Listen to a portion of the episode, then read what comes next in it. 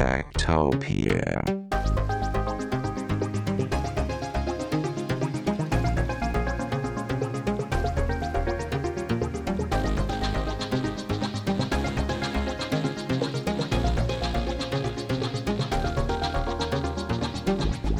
Tektopia er en podcast om mennesker og deres teknologi, udgivet af Ingeniørforeningen Ida i samarbejde med Teknologiens Mediehus og støttet af Ida Forsikring, Innovation Center Danmark og Messecenter Hernings konferencer, EUT, HI og Automatikmessen. Mit navn er Henrik Føns, og det er mig, der bestemmer i Tektopia.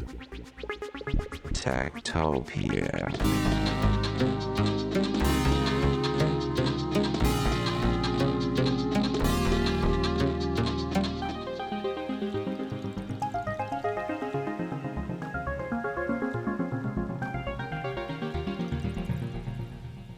Den her udgave af Tektopia, der skal vi øh, dyrke fremtidsarkeologi, og til at hjælpe mig, der har jeg Veronika Volin. Velkommen til dig, Veronika. Tak. Det der med fremtidsarkeologi, det er inspireret af den amerikanske, eller rettere sagt, han er faktisk kanadier, øh, cyberpunk-forfatter William Gibson, der engang sagde, at fremtiden er allerede, den er bare ujævnt fordelt. Det vil sige, at der er nogle mennesker, som allerede har noget teknologi, der peger ind i fremtiden. Øh, en anden øh, amerikansk øh, fremtidsforsker, der hedder Paul Sappho, han øh, sagde engang i et foredrag, jeg hørte, at øh, man kan sådan, hvis man skal finde ud af, hvordan fremtiden bliver, så skal man kigge på de tegn, der er allerede. Øh, små ting, som man måske ikke lige tænker over, men hans øh, ene eksempel var øh, robotstøvsuger. Da folk begynder at give dem navne, det er der rigtig mange mennesker, der gør, så siger det noget om ens forhold til robotter, der har forandret sig. Og det er måske et tegn på en fremtid, hvor vi kommer til at leve sammen med robotter. Øhm, så på en eller anden måde, så er det der fremtidsarkeologi, det har altid været sådan lidt en, et pejlemærke. En af de ting, som vi hele tiden får at vide, venter lige om hjørnet, eller en måske ikke alt for fjern fremtid, det er det, man kalder for metaverset, som er sådan en slags øh, udvidet virkelighed, eller virtual reality-univers. Det kommer lidt an på, hvem man spørger, men der er i hvert fald en del virtual reality i det. Og derfor så skal vi i den her udgave af Tektopia kigge på noget virtual reality, der måske kan pege frem på, hvad man kan bruge metaverset til øh, og måske til mere end bare skæg og ballade og spil og så videre. Og det har du gjort, Veronika? Ja, jeg, jeg har talt med to personer, som er med i det projekt, der hedder Challenge-projektet, som øh, bruger VR-teknologi i behandling af patienter med auditive hallucinationer. Som hører stemmer. Ja,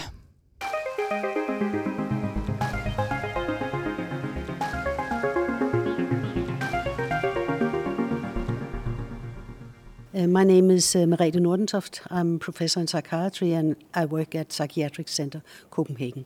I'm Farah Shiraz. I'm the Chief Scientific Officer at Khora, and I work at Khora Virtual Reality. I'm a psychologist by background.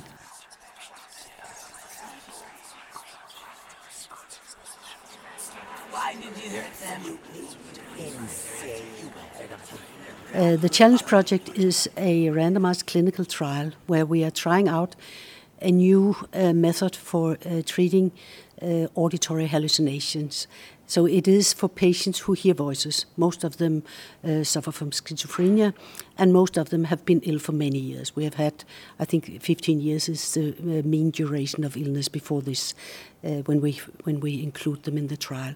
And what it is about is a, we're trying to create a trialogue, with where there's the patient, the is the voices or the voice the patient hear inside his or her head, and there is the therapist. And the therapist can play two of these roles.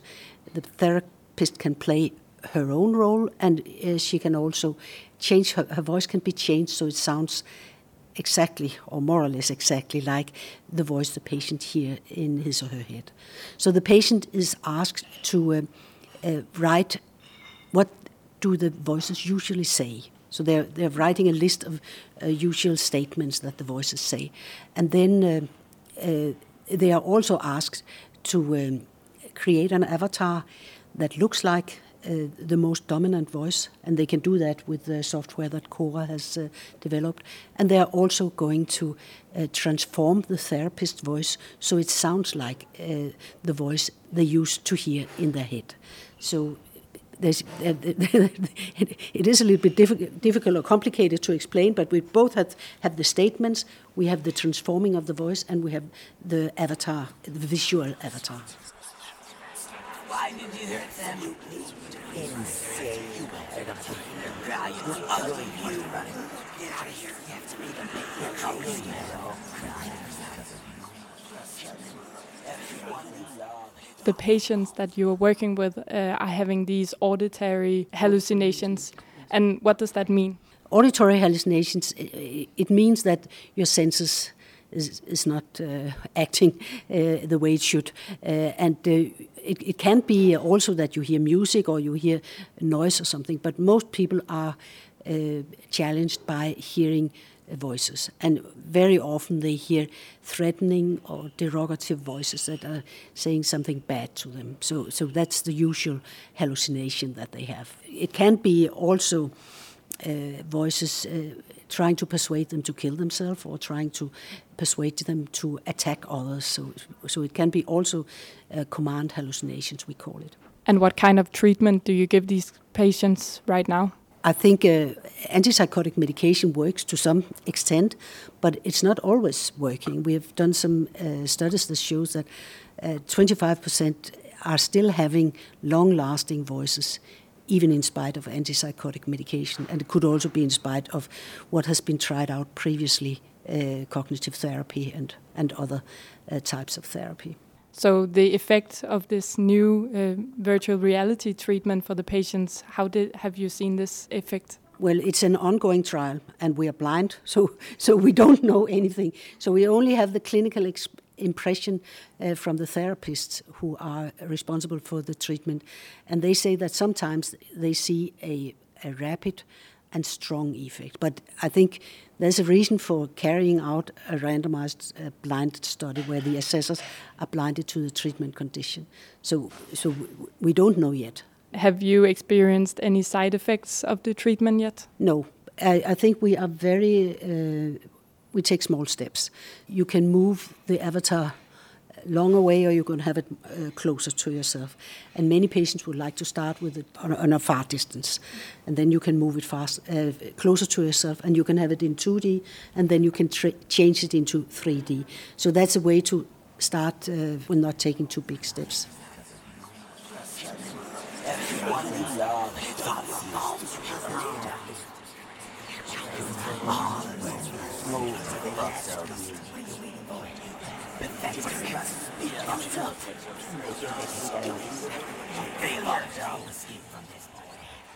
And Farah, you work for Khora, who make the app for this uh, program. How does the app work? The software is worked together with the therapist.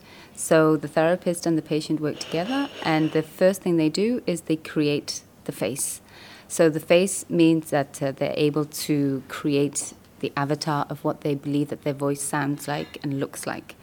Uh, so that's customizable by gender, by age, um, by facial features. So you can change the width of the face, the nose size, and also, you know, the different race or color of, of the avatar can be changed, the eye color, the hair color. So all of these different aspects are customizable.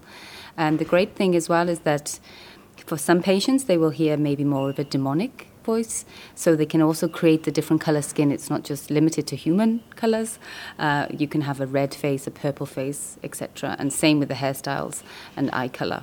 So we've tried to make the software as customizable as possible, taking the feedback from the therapists and patients.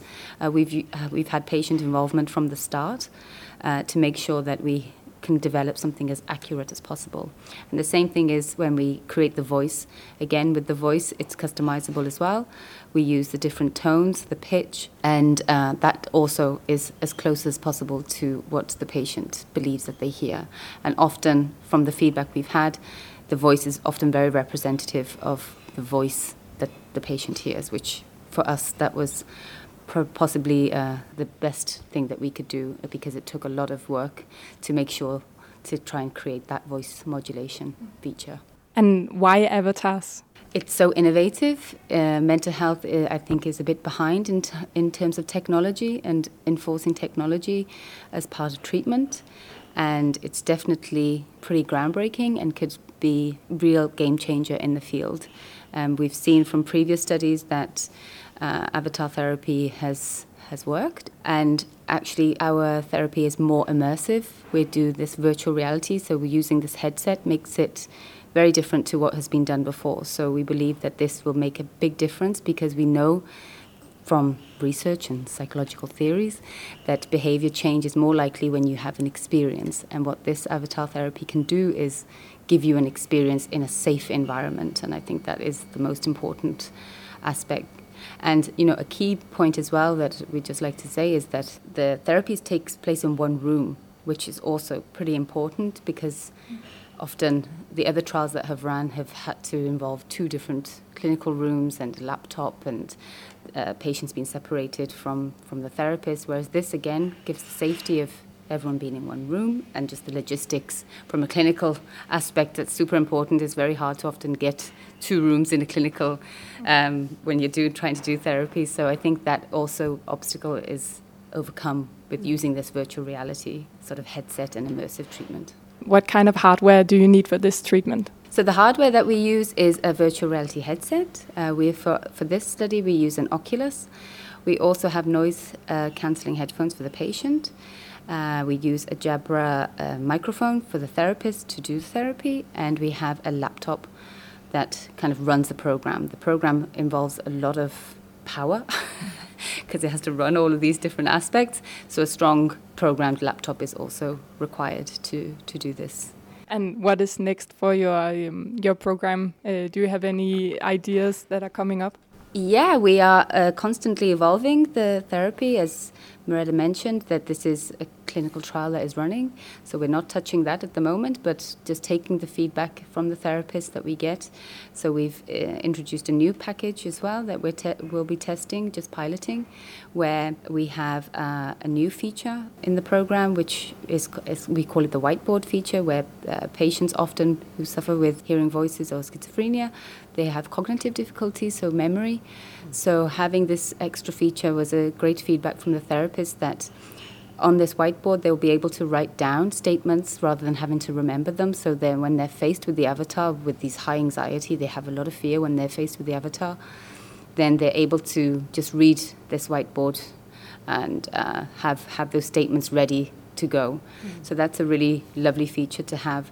We're also adding emotions to the avatar. At the moment, the avatar can come across a bit neutral. So we're also trying to add new features uh, of emotions so they can look sad or happy or angry, uh, which is reflective of what they're saying. Um, we're also adding new environments, so maybe uh, a different room rather than using a clinical room. And finally, we're also adding a, a, kind of real life scenario so they can actually experience how it is if they hear the voice on a bus, for example, um, which again is a, a, really nice kind of new way to do the treatment because often it, it, represents real life. It's all well and good in a clinical setting, but it's those real life situations that are often very difficult and challenging for this patient group. So having the avatar on a bus and being able to practice how to stand up to the voice on the bus, um, we thought that a bus is a good start, uh, would be a really, really powerful and hopefully help a lot with, uh, with the voices. And how does the treatment work the patient shows up at the hospital and then they uh, wear these glasses and and what happens then? They show up at the hospital that's the most usual but we can also do it in home visits. And i think especially in southern jutland they've done that because they'll have to travel so far. And then uh, uh, as the first part uh, the patient is asked to write up all the statements and then we have this uh, creation of the avatar. And after that uh, when that's uh, completed then uh, the therapies uh, the therapy can start. And it will be that the therapist then says some of uh, one of these ugly statements with the transformed voice. So the patient here what she or, or, he usually hear in her head in, in their head with the transformed voice. And then their task is to try to say something against it and then the therapist can switch her voice and be her usual self and say you did well and try to repeat it things like that. And I, I think often they say sit up straight and and say it with a strong voice things like that. Uh, so so that's how it is. And what happened during the therapy is that um, the the voice weakens. It, it gets a little bit less self confident and uh, more in doubt. It could be that the voice would say statements like, um, You're not listening to me anymore, or uh, how come you've become so self-confident? Things like that. Uh, the therapist can say with her transformed voice. There's a lot of focus on helping the patient to build up uh, her self-confidence uh, and not have so little self-esteem as, as they often have. So, so that's an, an important part of the therapy as well. Can you say that the patient tries to tame the voice in their yeah. head? Yeah, that, that, I think that's a good uh, way to to express it. Uh, but what is usual regarding the voices is that the patient has the perception that they are omnipotent, that they can do everything and they know everything. Uh, so that's also uh, they, what the therapist is doing is also to try to challenge that, so that the patient may get a sense of having more power. And the voice will change uh, after the therapist's own voice. So the therapist are saying the words, and then the voice will be changed into the avatar voice. Yes, I think what has been most challenging for the therapist is to be so rude mm. that they, they need to say something that they, they would never say that. but, but in order to get the therapy to work, they will need to say something that would be pretty far from the way they would express themselves otherwise. Once I was a victim, and I was yeah I was in a rehearsal, uh, and I could guess who the therapist was, but it was not based on on her voice it was because I thought, who would be able to think out such nasty thing? And I was only one of them I could imagine could do that. But also, you have to remember with the voice modulation, it, it changes the whole, yeah. like you say, the dialect. It doesn't matter, actually, what the dialect is, um, because you change all the different pitches and the tone and the size and the width of the voice. So it, it changes. So it wouldn't matter mm. on the dialect. The only reason we use the baseline as the therapist voice is because we need to modulate it. So you need a voice to be able to change and switch. Mm-hmm. Um, so actually, it doesn't really. That's one of the beauties of what we've done at Khora in terms of the voice modulation, is to be able to counteract any kind of dialect that they have. Yeah, because you need the dialogue between the therapist and the patient. Yes, and uh, like I say, you know, the the different voices very distinguishable because the voice obviously that the patient hears isn't the therapist's voice. So that when they develop and design the voice together, it will sound like what they think it sounds like. Doesn't the patient know that this isn't reality? Don't they know that they speak to a therapist and it's not in their head? They do know, and and I think some of them can even reflect upon that. Mm. Uh, but they do know, but still it has a strong, uh, uh, it, it influences them uh, strongly. So, and I, I think that's uh, the situation with virtual reality therapy, also in other areas where you used exposure, that you you are so immersed in your uh, imagination, so you experience it, even though you know it's not real. Yeah. So there's this double. Uh, you have a very, very um, a situation where you know that it's real, uh, and you, but but still you uh, perceive it as real. So. Yeah both aspects are there. I would like to mention one thing about the, the, the side effects because uh, on top of having this with being able to move the avatar further away and things like that, there's also a button where you can get to a beach. So if you uh, feel very scared or uh, very anxious, you can press that button and everything disappears mm. and you're just in a beach in Hawaii or something. So that's a possibility as well if, if it gets too scary. Yeah, because you start in the consultation room that are yeah. always the same, and then if everything is too much, you can just change the room yourself. Yeah, and the avatar disappears. And I think normally they, a lot of the therapists will do it after the session finishes to yeah. have a 10 minute kind of breather, debrief in, in that session, which all the patients have said that they really enjoy to have.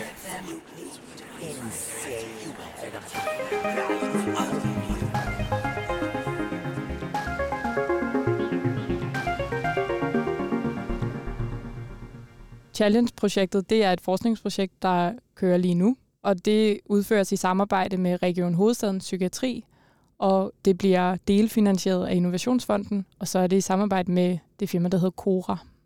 Som laver virtual reality og det, man kalder for augmented reality. Jeg tænker, jeg har, jeg har altid haft det svært med virtual reality faktisk. Jeg har prøvet det flere gange i dets forskellige, hvad skal man sige, inkarnationer siden 1990'erne, og aldrig rigtig fundet mig tilpas i det man kan sige, at jeg finder mig sikkert heller ikke tilpas i den her teknologi, vi fik beskrevet her, men øh, det begynder at give god mening lige pludselig. Men faktisk så minder det her projekt mig om noget, jeg lavede indslag om i way back, da jeg var på Danmarks Radio, hvor jeg mødte en fyr, som øh, arbejdede med øh, post, øh, posttraumatisk stress øh, for øh, hvad hedder det, veteraner fra krig, amerikanske veteraner, som øh, gennemlevede deres, øh, de, de episoder, som havde givet dem øh, den her tilstand øh, i virtual reality. Og der var det ikke alene sådan, altså de kørte ned ad en vej, og så var der en eksplosion, men der var også lugter og, og meget høje lyde og sådan nogle ting, så de ligesom fik flere sanse input, som, som gjorde, at de kunne bevæge sig gennem den her traumatiske øh, tilstand, så det var sådan lidt det samme. Ja, fordi alle vi faktisk taler med, som arbejder med en eller anden form for extended reality eller virtual reality, de siger jo alle sammen, at det er et helt fantastisk læringsrum øh, til at behandle forskellige problematikker eller at lære forskellige ting, fordi du har nogle helt andre sanseindtryk at gøre brug af. Ja, man kan sige, at det, det, det som, altså det faktum, at man faktisk oplever noget, gør, at man faktisk øh, indlærer det bedre, end bare ved at læse en bog eller, eller se en film. Og det er faktisk noget af det, den kvinde, vi skal møde nu, hun snakker om. Hun hedder Emma Ridderstad. Hun er CEO og co-founder af noget, der hedder Warpin, som er et øh, svensk, øh, svensk firma, der laver virtual reality, augmented reality, og man kan måske næsten sige, at de forbereder verden på metaverset. I hvert fald så har hun lavet masser af undervisningsløsninger i øh, virtual reality.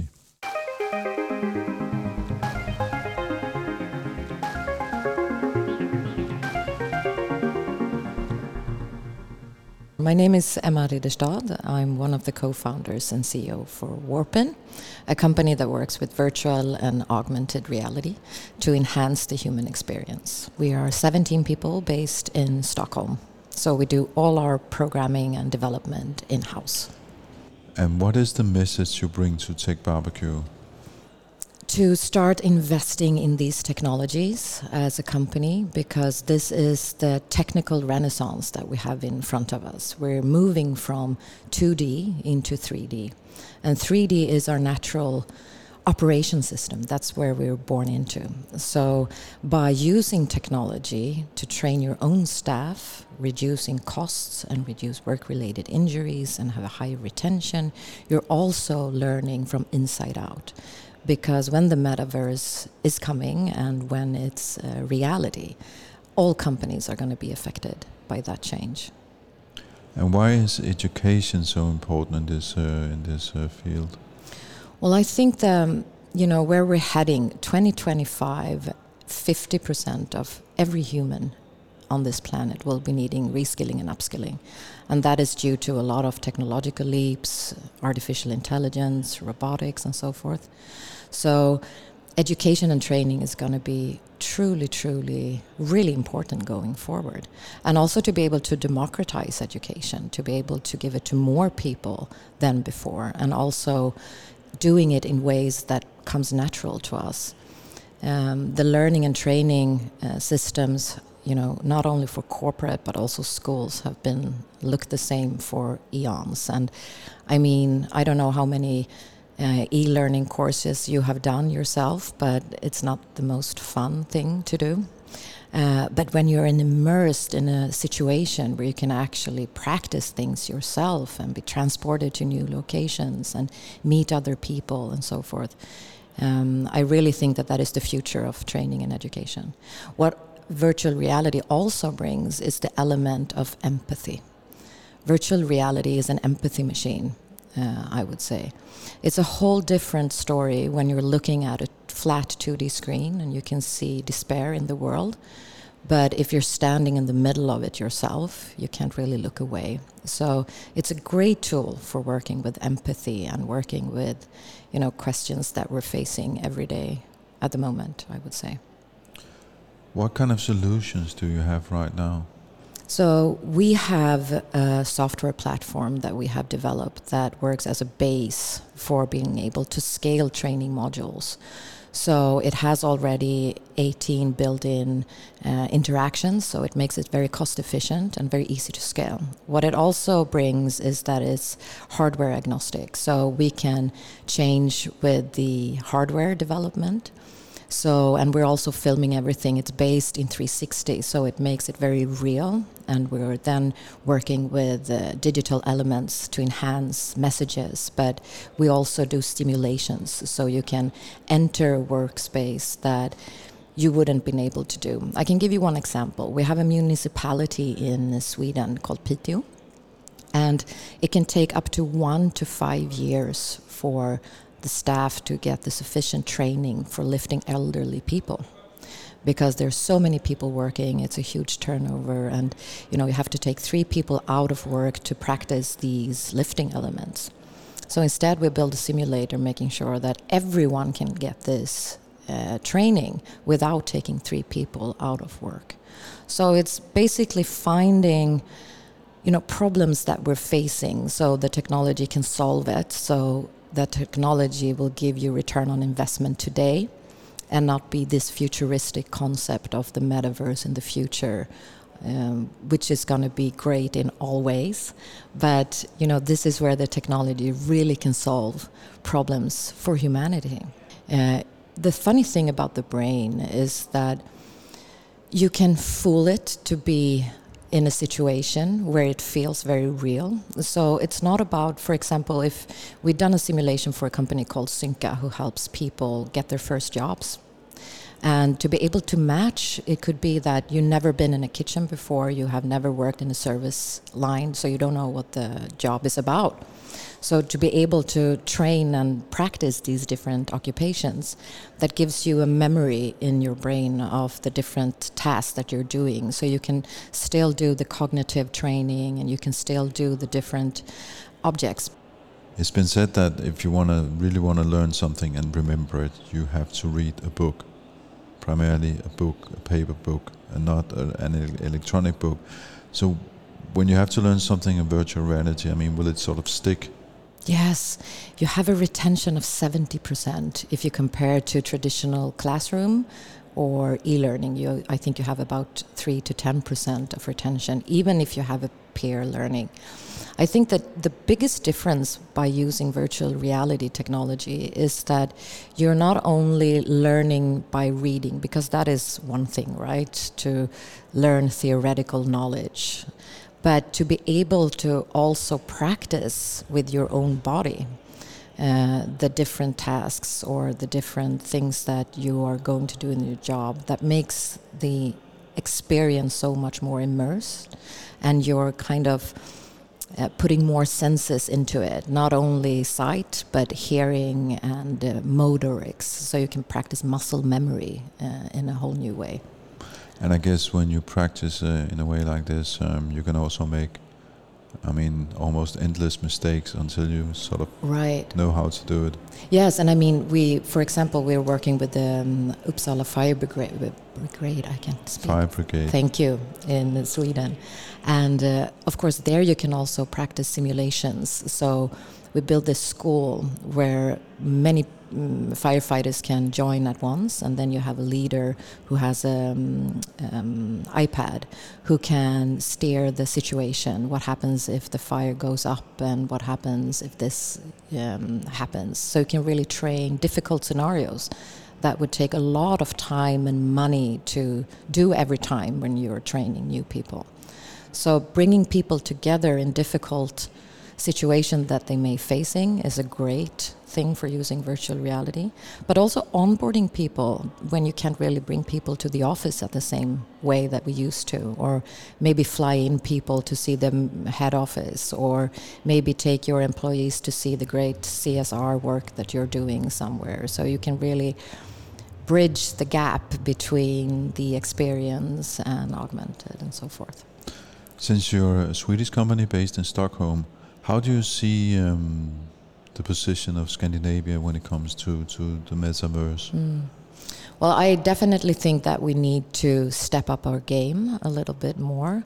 Um, I remember in Sweden, at least, we had in the 80s something called the PC reform. And that was because people were able to buy their first home computer on their salary. So it was subsidized by the government. So a lot of people did that. And of course, that propelled Sweden to become, you know, a little bit more of a tech hub.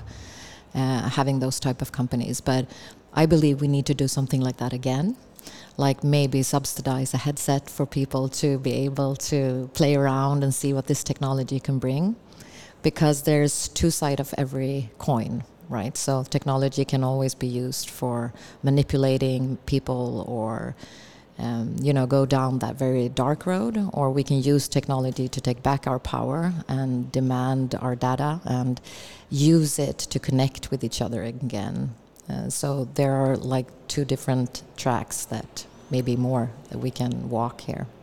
But do you see a specific uh, Scandinavian or Nordic uh, touch when it comes to, for instance, the uh, the road which is not dark? Yes, uh, I'm not sure if it's um, uh, only like a gender topic or something, but I'm I'm seeing I'm, I'm very happy about seeing more and more women getting into the space, and I think that's very needed. Uh, I myself was a gamer when I was younger, and uh, and it's not a very pleasant environment for women to be in. Uh, sometimes it could be enough just to enter a gaming space and you will be harassed. And you know, at the moment, uh, the gaming industry are also building the building blocks of the metaverse. You know, Roblox and Fortnite and and that. So I think we need also more, not only women, we need more diversity in general to relearn how to communicate again, uh, to onboard people to communication because you're 3.75 times more emotional connected to the content that you're experiencing in virtual reality. So we need to make sure it's a safe place and that's a place where people want to spend their time and uh, that we all kind of come together and try to solve these uh, problems because there are many. and what about business-wise? I mean, I understand that Sweden, especially Stockholm, you have a very strong uh, gaming industry. Um, does that count as uh, an advantage when it comes to developing a metaverse? Yeah, probably. And I mean, it depends, I think, on how you look at gaming in general and what types of games you have developed. Um, the problem that I saw in the beginning of when people were starting to do metaverse experiences or virtual and augmented experiences was that they brought a lot of the old thinking into the new technology. It's the same when internet came. I was working with the magazines back then, and everyone was like, "Oh, we need to be online." So you pushed in the magazine. I don't know if you remember, but you flipped the page just like you did in the real life. So we're seeing some of those mistakes again that you're not used, use lot, you, using the technology for what it's really good for. Um, I remember what a big fashion brand. Uh, I think it was Dior. They did a fashion show in virtual reality. But instead of using uh, what this technology can give to the end consumer, they placed a camera first row. Uh, and you just sat there, you couldn't see, you, you, but you had a first row on their mm, fashion show.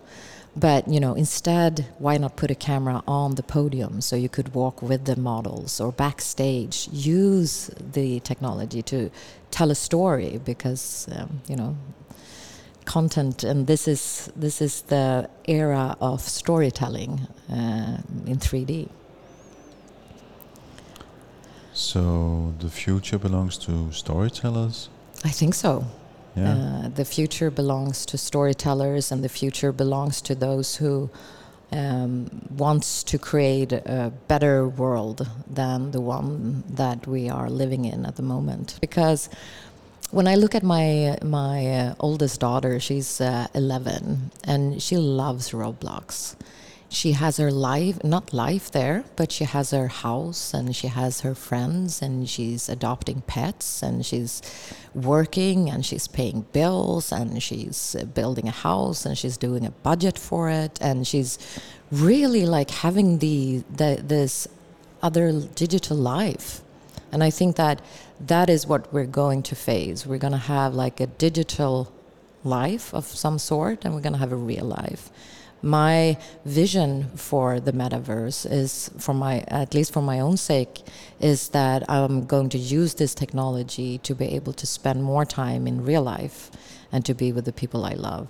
Uh, I'm hoping that this technology can help us to get rid of unnecessary travels, meet people much more faster, collaborate in new ways to make the processes much more efficient.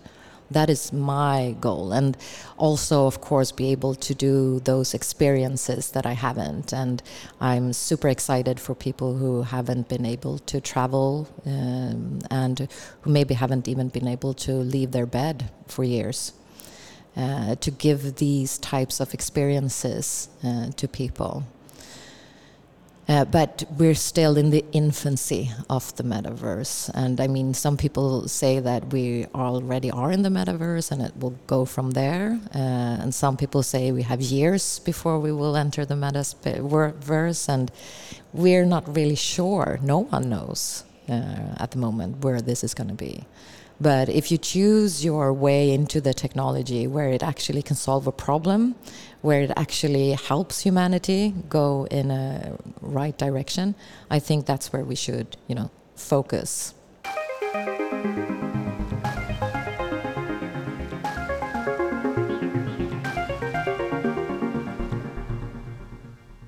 Det er en æra for storytellers, for historiefortællere. Det må være godt for os to. Det må man sige. Vi skal bare have klistret noget virtual reality oven på Tektopia.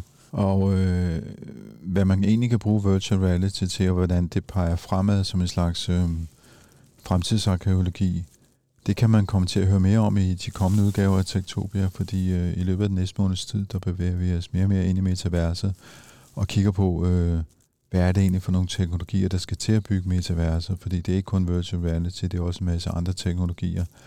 Og øh, så er der jo øh, en masse tanker om, hvordan man opfører sig, og hvad man bruger det til som bruger, og noget med privatlivs fred og så videre. Alle de ting kommer vi til at grave mere ned i, så det handler bare om at tjekke Tektopia ud i den podcast service, du nogle gange bruger, eller tjekke episoderne på tektopia.dk. Du kan også følge os på øh, Twitter og på øh, Instagram, og der hedder vi Tektopia.dk. Snablag Tektopia.dk. Ja, det kan man skrive foran. Det kan man gøre. Så kan man deltage i uh, diskussionen på uh, vores, uh, i vores Facebook-gruppe, Tektopia Backstage, og man kan skrive en e-mail til henriksnablag.tektopia.dk. Man kan også skrive til dig, Veronica. Snablag.tektopia.dk. Lige nøjagtigt, hvis man har mere lyst til det. Det er også en mulighed. Uh, vi skal huske, at vi også har fået et podkort fra Ingeniørens uh, podcast uh, Transformator, så det snupper vi lige. I Transformator elsker vi tal, og vi elsker at forklare tingene i dybden. Så her er lige et par tal i ugens episode. 1,5 milliarder kroner og 42 millioner ton. Og så lige et par forklaringer på de to tal. Den første handler om, hvorfor Novo Nordisk Fonden i denne uge smed 1,5 milliarder kroner i udviklingen af en dansk kvantecomputer, der skal være verdens bedste. Den anden handler om, hvordan vi skal fange og gemme de 42 millioner ton CO2, vi her i landet udleder om året. Alt om de teknologier, der skal til. Få de grundige forklaringer af kvantecomputeren og CO2-fangst i denne uges Transformator. Tektopia. Ja, du har lyttet til Tektopia. Vi udkommer hver eneste mandag, og så er der bare tilbage at sige, at i denne udgave, der hørte du Henrik Pøns og Veronica Volin, og vi ser på genhør i næste uge.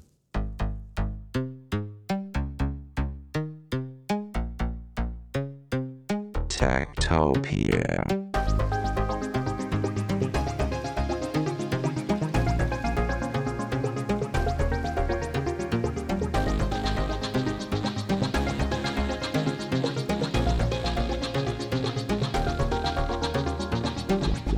Tektopia er en podcast om mennesker og deres teknologi, udgivet af Ingeniørforeningen IDA i samarbejde med Teknologiens Mediehus og støttet af IDA Forsikring, Innovation Center Danmark og Messecenter Hernings konferencer, EUT, HI og Automatikmessen. Mit navn er Henrik Føns, og det er mig, der bestemmer i Tektopia. Tektopia.